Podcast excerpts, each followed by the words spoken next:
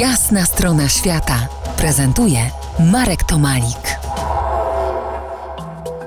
Dziś opowiadam o Sir Erneście Shackletonie, polarniku i odkrywcy, a przede wszystkim o niezrównanym przywódcy, który wsławił się bardziej swoją postawą wobec ludzi niż osiągnięciami eksploratorskimi sensu stricto. Dobrze, sięgnijmy teraz do wypraw Sir Ernesta Henry'ego Shackletona.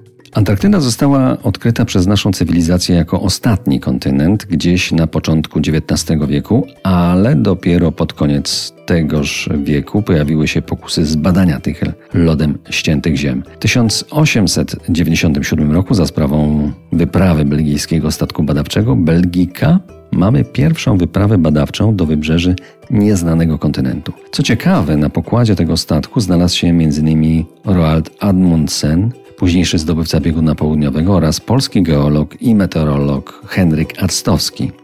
Ekspedycja ta zapoczątkowała tzw. Tak heroiczną erę eksploracji Antarktydy, której kluczowym celem było zdobycie bieguna południowego lub wyścigi, kto tam będzie pierwszy.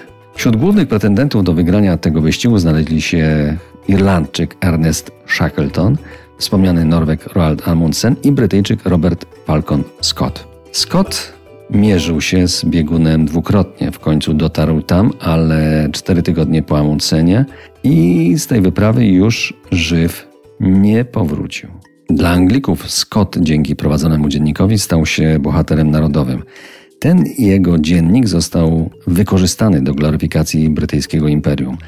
Przededniu I wojny światowej Scott i jego towarzysze stali się symbolem, symbolami brytyjskiej niezłomności i charakteru. Ich postawa miała być wzorem dla żołnierzy walczących w okopach w tej najbardziej okrutnej i bezsensownej wojnie, jaką ziemski świat widział. A jak się ma do tego Shackleton?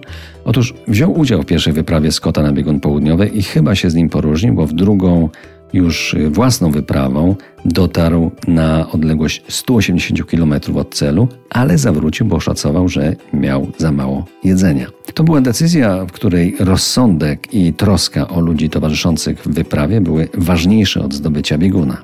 Shackleton zwycięstwo Amundsena przyjął z wielkim spokojem i sukcesu mu pogratulował. W jego głowie rodził się jednak nowy pomysł na kolejną wyprawę. Opowiem o niej za kilkanaście minut.